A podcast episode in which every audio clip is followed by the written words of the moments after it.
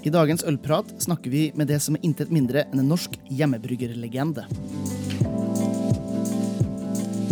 Hei, ølentusiaster, og velkommen til Ølprat, podkasten som serverer ølkunnskap og entusiasme rett i øret ditt. Mitt navn er Nidar, også kjent som The Bear Guy i Bear Enthusiast, og i dag en ekte hjemmebryggerlegende. Vi skal nemlig snakke med Gard Schmidt Garsen, som har vært med å forme bl.a. min hjemmebryggerreise, og som i dag er bryggmester på Syv Fjell i Bergen. Og velkommen tilbake. Nå sitter jeg her sammen med en mann som faktisk har hovedfag i engelsk og gresk kultur. Men jeg har en mistanke om at interessen for øl har dominert det meste av hans tanker helt siden 1991, da han starta som hjemmebrygger. Han har flere norgesmestertitler som, som hjemmebrygger. Har vært gjøkebrygger, eller Cuckoo Brewer, i ABC Brewing. Han er forfatter. Han har antagelig inspirert flere hjemmebryggere opp gjennom sin karriere enn noen andre ølpersonlighet jeg kjenner til. Og fra november 2013 så ble han bryggmester i Syv Fjell. Eh, Gard Smith Garsen, tusen takk for at du tar litt tid til å prate med oss. Veldig hyggelig å bli invitert. Ja. Um, og jeg, jeg, må spørre om, om en ting, da. Altså, engelsk og gresk kultur. Har du følt at du har fått noe bruk for det i ølets verden? altså, engelsk har man jo selvfølgelig alltid bruk for. Mm. Men trenger kanskje ikke et hovedfag for å kunne snakke engelsk i, i ølsammenheng. Gresk kultur? Nei, det har vi fått lite bruk for uh, sånn uh, generelt. Jeg har lært at gjær heter magia på gresk. Det er vel omtrent det nærmeste jeg kommer. Så, så, jeg kan ikke si at jeg har at jeg har brukt utdannelsen så veldig mye i, i bryggeryrket. Det har jeg Nei, men, men, eh, jeg snakka jo litt om det her i introduksjonen av det. Du har også inspirert eh, hjemmebryggere i, i tiår, og det vet du jo selv fra min egen hjemmebryggerkarriere, at eh, hvis det var noen som skulle brukes ordet legende rundt, så, så var det du. Eh, du begynte i 1991, har jeg forstått. Men hvordan og hvorfor begynte du med hjemmebrygging? Nei, det er mange som har spurt om det. Altså, hvorfor Eh, jeg begynte Det var vel fordi at ja, jeg ble interessert i øl. Eh, jeg, og så fant jeg ei bok på studentbokhandelen i Kristiansand i 91. Mm. Eh, den store ølboken. Oversettelsen av hva den heter, The, The World Guide to Beer av Michael Jackson. Eh, og begynte å lese den, og så at ok, her finnes det veldig mye annet enn eh, pilsen, Bayern og Bukkøl, sånn som du fikk tak i i Norge på den tida.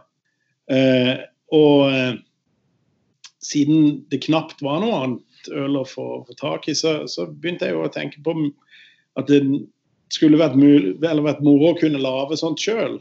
Mm. Eh, og så husker jeg jo fra jeg var liten at vi lagde tomtebrygg og sånne ting i, i kjelleren til jul. Eh, og eh, jeg hadde ei mor som eh, lagde masse ting fra grunnen av, sånn sylting osv. Så hjemme. Eh, så jeg hadde litt interesse for, for, det å lage mat og drikke fra før av. Mm. Eh, men, men, det var rett og slett det der ønsket om å prøve å finne noe Eller å få tak i flere øltyper som jeg hadde lest om, som virka spennende. Så var jo det norske hjemmebryggmarkedet, altså tilbudet av eh, ingredienser, var jo et sorgens kapittel, selvfølgelig. ja, hvordan løste du det? For det, det, var jo ikke noe, noe, mye å snakke om på den tida. Nei, det var vel ikke noe snakk om å løse det, egentlig. Jeg begynte jo med å kjøpe sånne eh, kjipe sirupsølsett og, og, gjøre det mm. beste en kunne ut av de. Eh, og eksperimentere litt med å tilsette andre ingredienser og osv. I starten var det jo med varierende hell, selvfølgelig. Og eh, og litt sporadisk. Det var ikke sånn at jeg satte i gang å brygge eh, flere ganger i måneden med en gang. Nei. Det var det ikke. nå, nå, jobber du jo eh, altså, i det kommersielle, men, men, hva er kanskje Hvis du kan si noen av liksom, høydepunktene for, for det personlig i din hjemmebryggerkarriere? Hva er det noen, noen, ting som du tenker spesielt på med glede når det kommer til hjemmebryggerkarrieren din? Jo, altså selvfølgelig, du har jo allerede nevnt at jeg har vunnet en del premier. og sånn, og det, det, har jo selvfølgelig vært kjekt. Så det å, å få brygga det første ølet mitt eh, kommersielt med den anrimelige barley wine på, mm. det, det, var jo selvfølgelig veldig kjekt. Um, men ellers så er det jo egentlig med Eller var det med hjemmebrygginga som, som eh, jeg egentlig føler med den kommersielle brygginga at det som er det kjekkeste med det, det er å se andre folk drikke ølet og like det. Mm. Eh, og ikke nødvendigvis av eksperter eller eh, andre bryggere og folk som har peiling, men bare det å se at folk koser seg med det. Mm. Eh, og det gjorde jo mange, selvfølgelig. Det var jo en, en, sånn, Leiligheten min var veldig populær i studenttida. jeg kan se for meg. Så, så, Nei da, så, så, det er jo det. Men, men, det er klart, hvis en skal se på de høydepunktene, så er det jo selvfølgelig eh, å vinne NM og, og, få premier og sånt. Det, det var, jo, mm. var, jo, kjekt, det. Mm. Men ellers er det å, å ha truffet veldig mye eh, artige folk. Og eh, særlig i, i, i begynnelsen av den aktive hjemmebruggkarrieren så traff vi mm. Traff jo mange rare skruer. Var, det, da var det jo en, eh, en skikkelig nerdehobby. Ja, ikke sant. Ja, altså For de eh, som ikke brygger, brygger, selv, så er det altså Norsk Hjemmebryggerforening som er det ledende organet. Og Der finnes det en side som heter nordbrygg.no, som har et, eh, et, forum der eh, du, Gar, sikkert har skrevet halvparten av, av tingene som er skrevet opp gjennom, opp gjennom tidene, tror jeg. Ja, jeg, jeg, var veldig aktiv der. Nå er det flere ja. år siden jeg har, har, deltatt. Men jeg har vel en 2000 innlegg, tenker jeg. Med stort og smått. Uh, og så satt jeg jo i styret i, i Nordbrygg i noen år. Mm. Som uh, tit, offisielle tittelen var informasjonsansvarlig. Så da var jo en av oppgavene å være aktiv der. Ikke sant? Og på det forumet. Og det syns jeg jo var gøy. Jeg var lærer tidligere. Mm. Uh, så det å faktisk kunne lære noen og dele den kunnskapen har tilegna seg, det, det, har jeg alltid syntes vært kjekt. Mm. Og så, da, i 2013, så uh, gikk du over til uh, den kommersielle delen av, av Øl-Norge og, og, ble bryggmester på det nystarta Sju fjell i, i Bergen. Ja. Hvordan var den overgangen? Den var for så vidt litt myk, eh, kan du si. Jeg ble, ble kontakta av Jens Ekseth, som er daglig leder her og en av eierne. Um, og ble spurt uh, om jeg ville være med. Jeg tok ti sekunders betenkningstid, og så sa jeg ja. Og, men så var det jo sånn at vi, vi, vi, begynte jo ikke å brygge i eget bryggeri umiddelbart. Nei. Ehm, firmaet ble offisielt starta i, i, juni 2013. Og så begynte jeg å jobbe da, i november 2013. Men, men eh, de første ølene i eget hus ble jo ikke lagd før i juni 2014. Før det så brygga vi tre batcher med, med øl eh, hos Lervig. Eh, og i den tida mens vi da holdt på å først lete etter lokaler og så installere ting og sånn, så, så uh, brygga jeg jo hjemme. Da mm. brygga jeg hjemme hver uke og, og liksom prøvde å utvikle litt oppskrifter og eksperimentere litt med, med ting som vi så for oss å brygge her. Mm. Så, så, det var et, det første halvåret, det var fint. Ja. Hentet ungene på, på skole og i barnehage, og så gikk jeg hjem og brygga og koste meg med øl store deler av landet. Det høres ikke helt feil ut, nei. Nei da. Gjør det ikke. Men, men som hjemmebrygger, da, hva, det, kan, man, kan, man, overføre ferdigheter fra, fra, hjemmebrygging til kommersiell brygging, eller må du på en måte lære det, tingene på nytt igjen?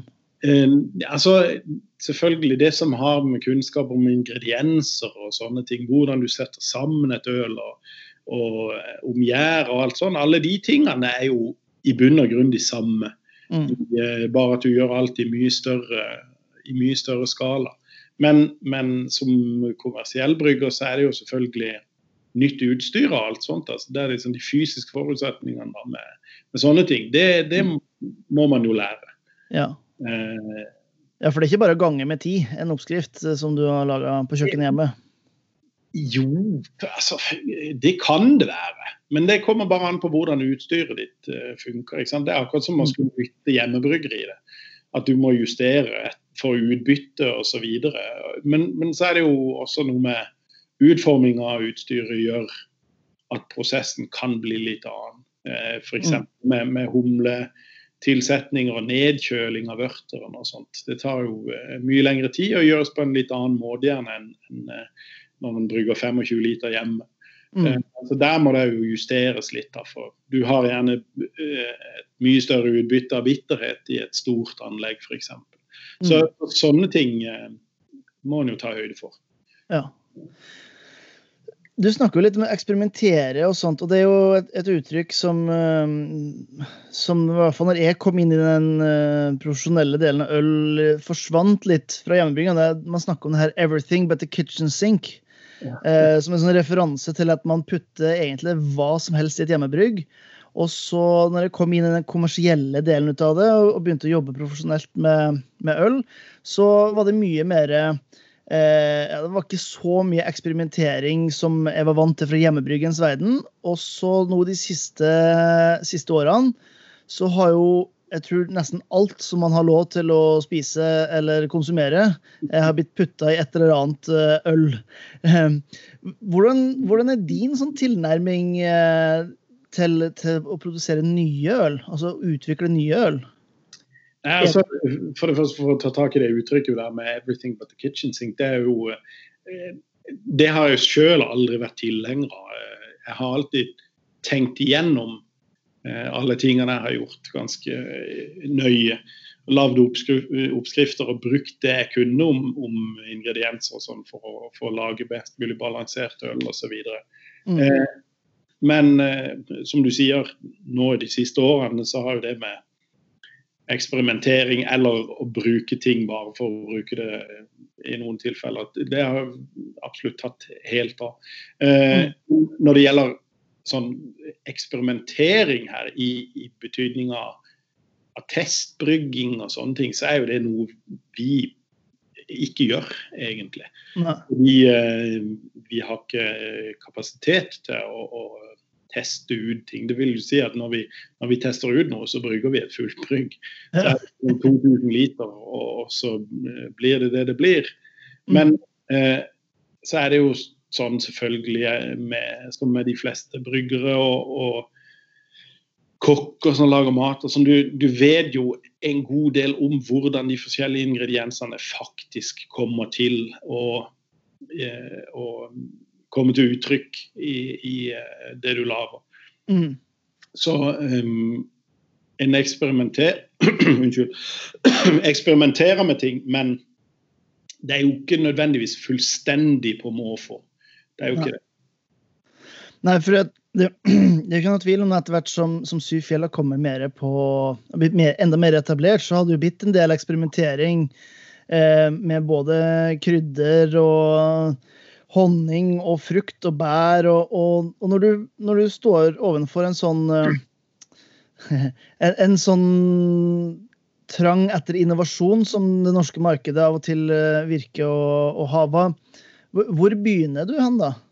Hvor begynner du i tankene dine når du skal lage en, en øl? Uh, Nei, altså, det, det sånne ting ofte begynner med, er jo gjerne at markedet på et eller annet vis etterspør det. At uh, typisk gjerne en av selgerne våre som, som uh, da er flinke til å lodde stemninga i markedet osv. Eller at vi ser uh, hvordan en eller annen trend går, så, så, velger en hva en skal gjøre ut ifra det. Men, men da er det jo Altså det, det, er ikke spesielt uh, innfløkt eller noe sånt. Skal du lage en, en øltype med frukt, ja, så, så, er vel nesten den største utfordringa hvor du skal få tak i frukten. Og så er det jo da de fysiske forutsetningene. For oss så, så vil jo det å bruke frukt stort sett si å bruke pureer.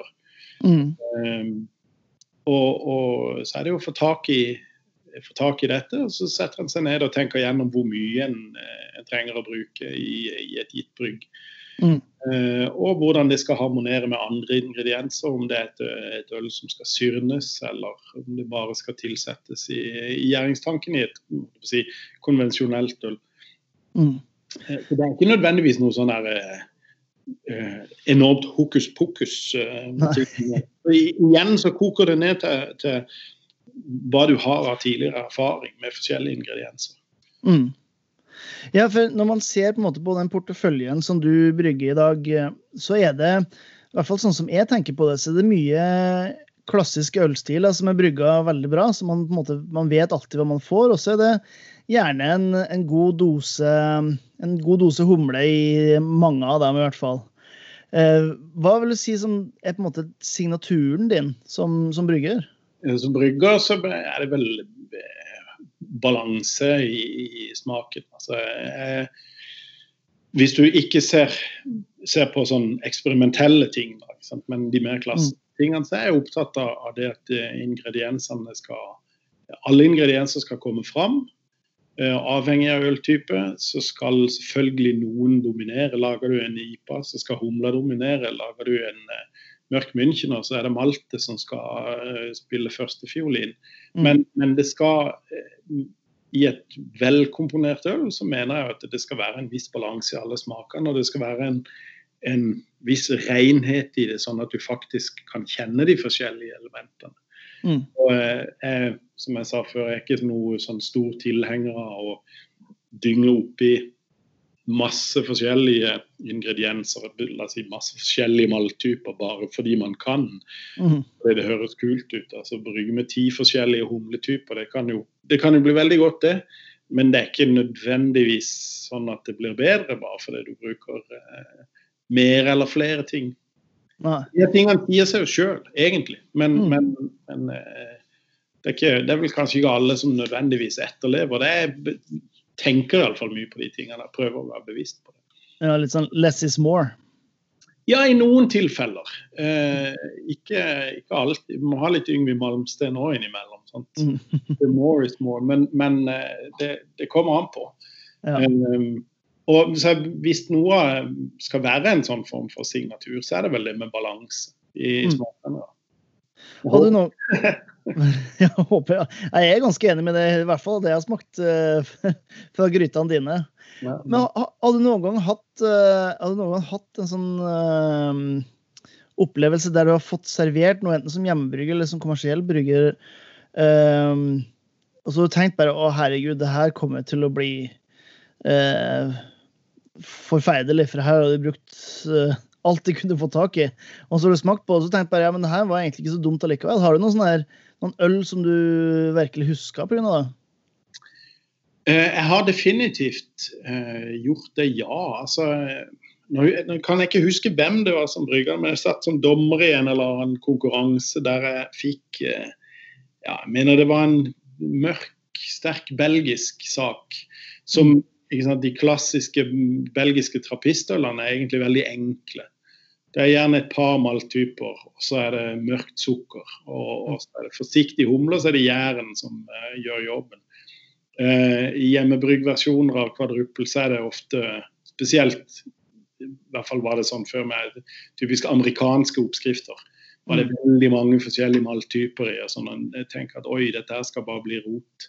Ja. Uh, Men der har jeg vært ute for det motsatte. At eh, ok, det har funka.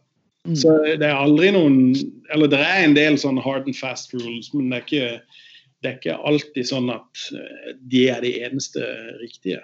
Nei. Nei, jeg tenkte faktisk litt på det her eh, tidligere i dag, at eh, du må jo ha inspirert og vært til hjelp for veldig mange som i dag driver bryggerier rundt om i Norge.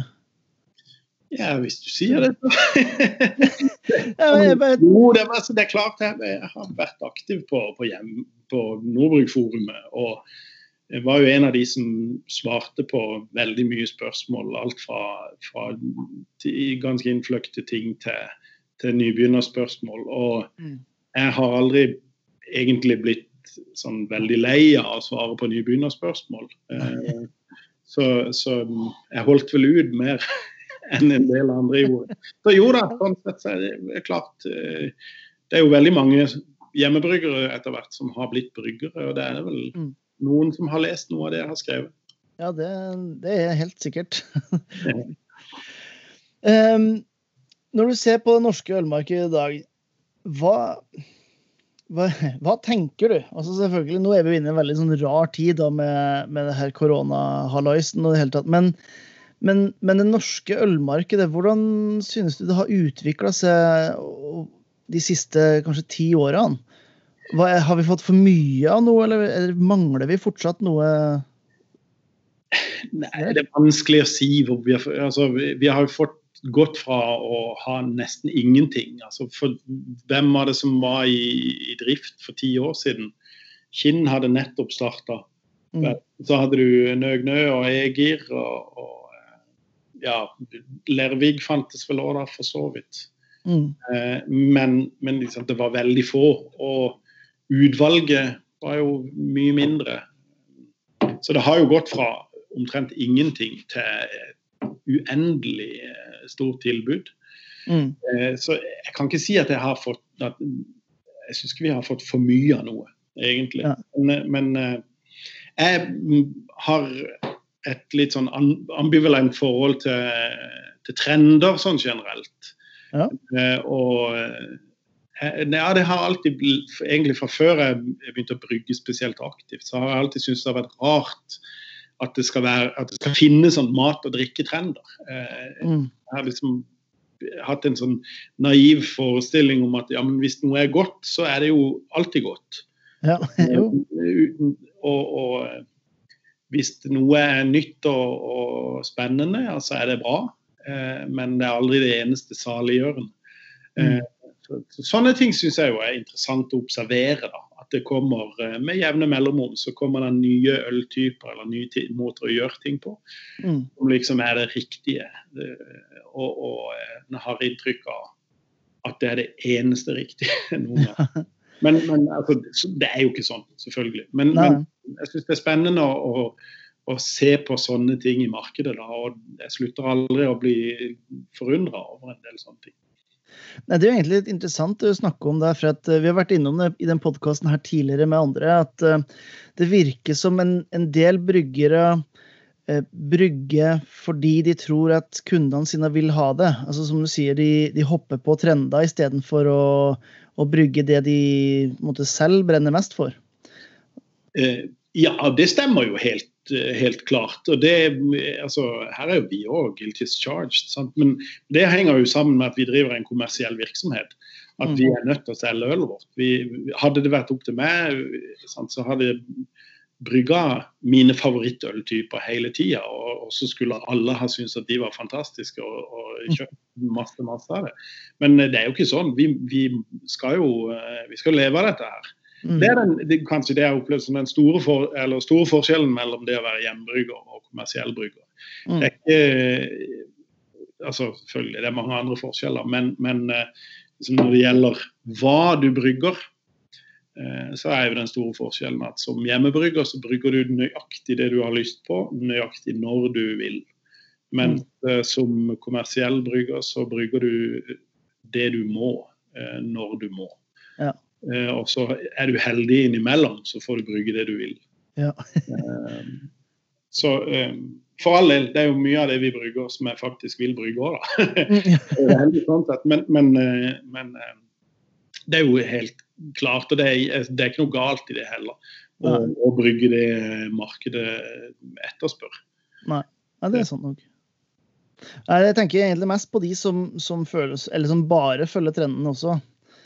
Jeg tenker det må være litt slitsomt å bare lage det som andre vil ha hele tiden. Det, det er klart det er slitsomt. Og så er det jo det at hvis du er så heldig å bli det kuleste bryggeriet i verden, så er det jo den ene tingen som er garantert, det er at ikke du vil forbli det alltid.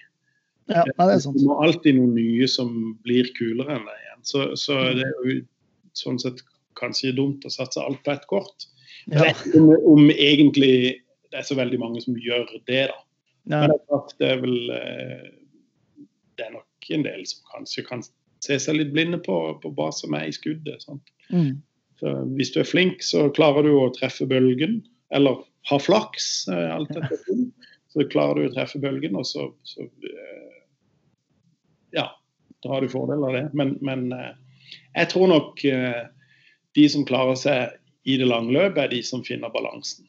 Være interessant nok til at nerdene og de som er opptatt av øltrendene, bevisst eller ubevisst, at de er fornøyd med det du gjør. Og så må du ha produkter som kan selge jevnt over tid. Mm.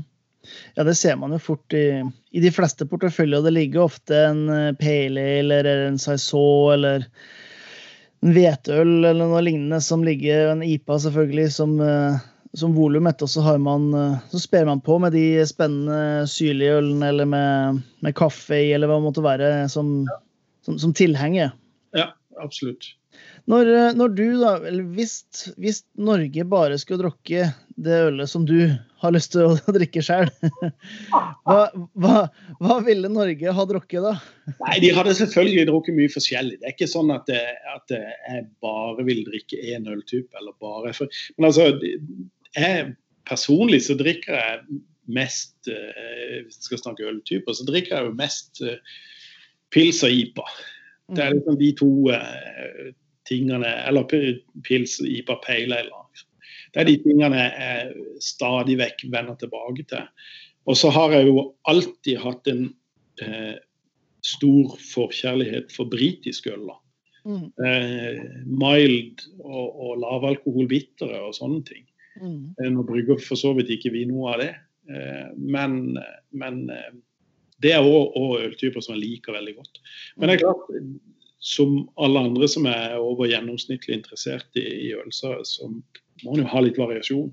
Ja. Men eh, etter jeg har begynt å jobbe som brygger, så er jeg ikke så er jeg ikke like opptatt lenger som jeg var og, og skulle finne nye ting hele tida. Og jeg har også alltid først og fremst sett på eh, ølet som en form for sosial smøring som, som er liksom Jeg skal kose meg med det i en eller annen setting. mm. Det er ikke nødvendigvis ølet som, som kommer først. Nei. Eh, så hjelper det veldig godt hvis ølet er skikkelig bra.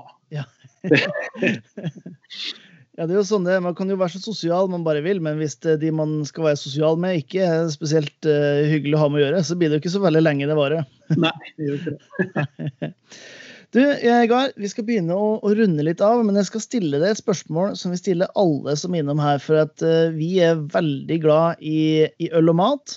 Ja. Uh, og du er jo en mann som uh, Når du prater om smake og balanse og sånn, så det virker som at det, det er mye av de samme tankene som man kan ha når man er, jobber i restaurant som kokk, f.eks. Mhm. Så det jeg rett og slett vil høre med det, hva vil for det være en veldig god øl- og matkombinasjon?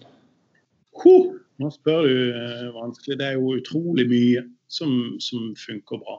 Men Mm. altså eh, Hvis vi tar noe av det jeg liker best å spise, eh, som ikke spiser så ofte, så er det jo jeg er veldig glad i pinnekjøttet. Mm. Eh, og til pinnekjøtt så har jeg stor forkjærlighet for en god India Pale Ale. Mm. Der har du en, en klassisk India Pale Ale som har eh, både litt maltkropp og eh, god bitterhet, og så den kraftige fruktigheten fra humla.